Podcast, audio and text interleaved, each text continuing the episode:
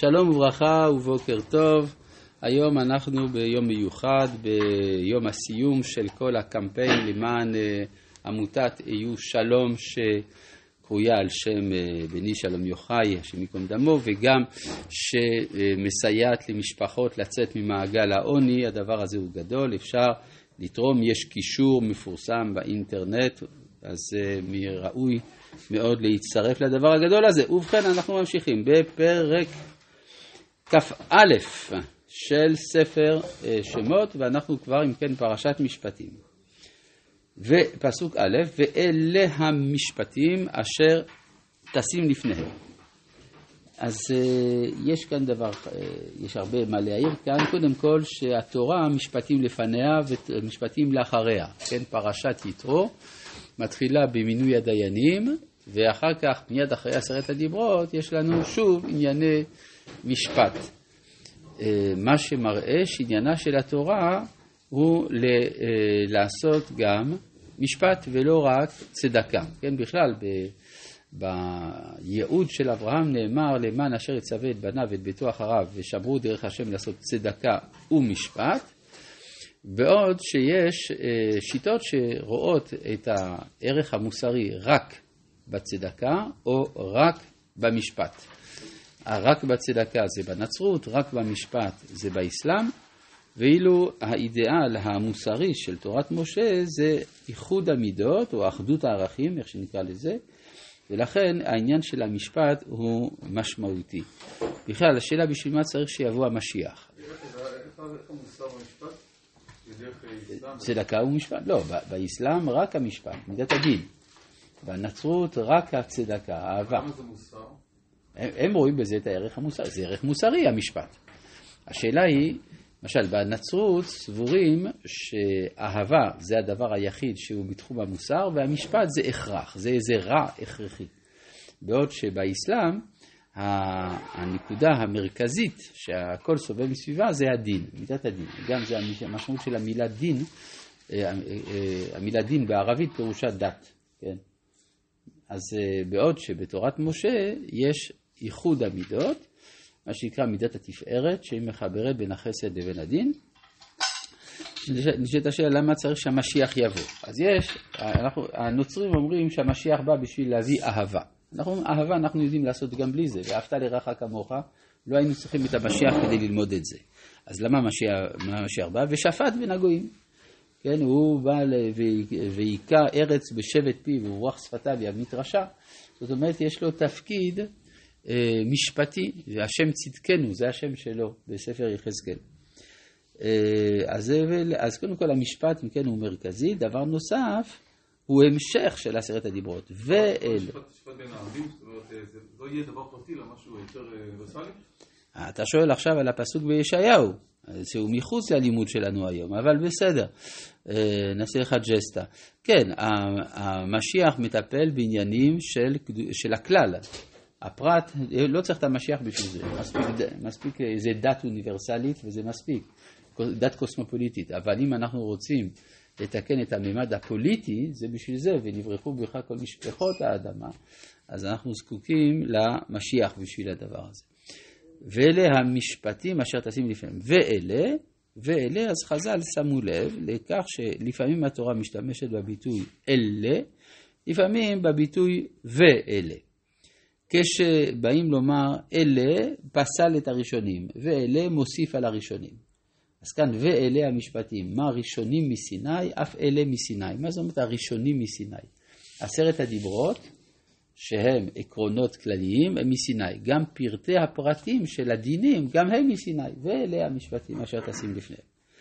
נוסף על כך, הרי המשפטים שמדובר עליהם כאן, מתחיל בעבד עברי, ובכלל באדם המזיק, שור המזיק וכדומה, שזה לכאורה, ברגע שאדם מסוגל להיכנס לעבדות או לחטא, אז אנחנו אומרים אולי לא בשבילו ניתנה התורה. התורה ניתנה בשביל אנשים שלא חוטאים, או אנשים שלא משתעבדים. אין עבדיי הם ולא עבדים לעבדים. אז החידוש של התורה זה שגם אלה ואלה, אלה שיזכירו, גם הם מסיני.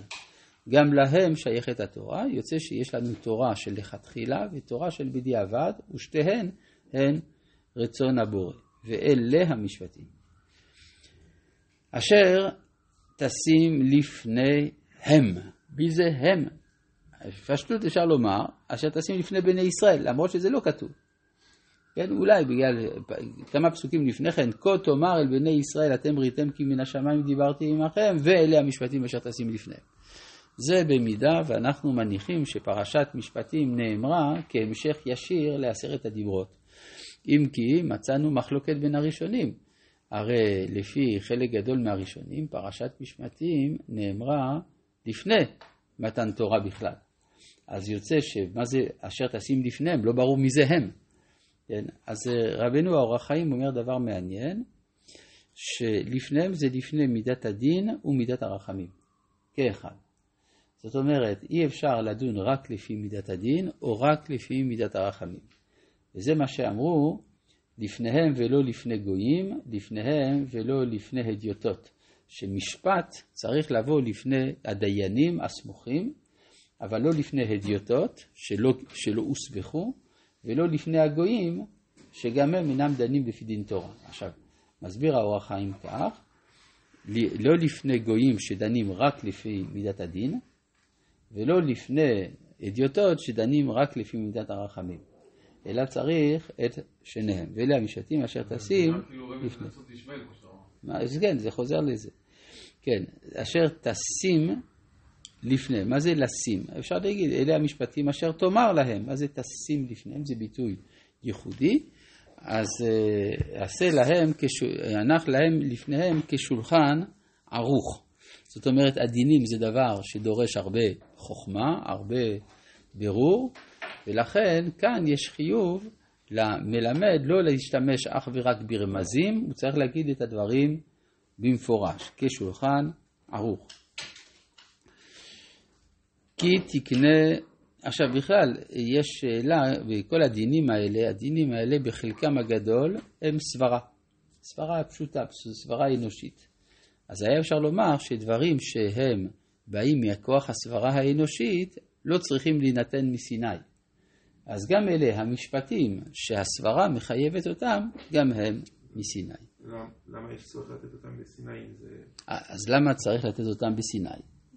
כדי שעל ידי המשפטים אנחנו נקנה דבקות אלוהית, הדבקות שהמצווה מקנה.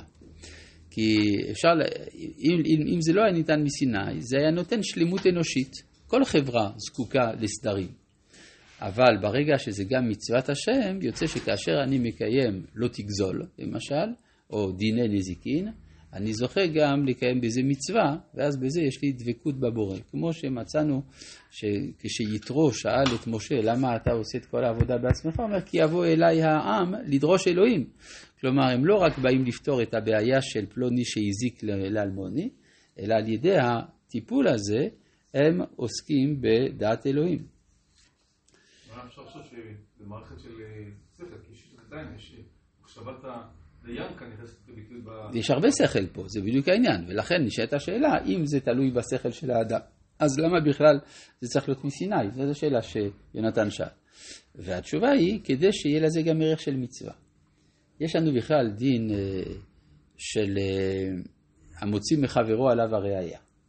כן, המוציא מחברו עליו הראייה, שואלת הגמרא, מניין, למה צריך, אז אומרים פסוק, למה צריך פסוק? הרי זה, אה, זה סברה. כן, אז לכאורה יכולנו להגיד, אם זה סברה, זה יהיה רק מדי רבנן ולא דאורייתא. כן, אנחנו מבינים שסברות הן גם כן דאורייתא. כן, סברה של, של הדיין זה גם דאורייתא, למרות שזה סברה אנושית. אז, אבל לא כל סברה אומרים את זה. למשל, ברכות הנהנים זה מסברה, וזה בכל זאת לא דאורייתא. בגלל שדווקא בדיני ממונות נאמר בצדק תשפוט עמיתך, שהתורה סומכת על השכל של האדם, אז שמה השכל של האדם הוא דאורייתא. דווקא בדיני ממונות, אבל לא בכל הדינים כולם. ואז יש לנו כאן אה, דינים מסודרים לפי דרגת החומרה. אז יש לנו למשל דיני אה, שפיכות דמים, אחרי זה דיני נזיקין וכדומה.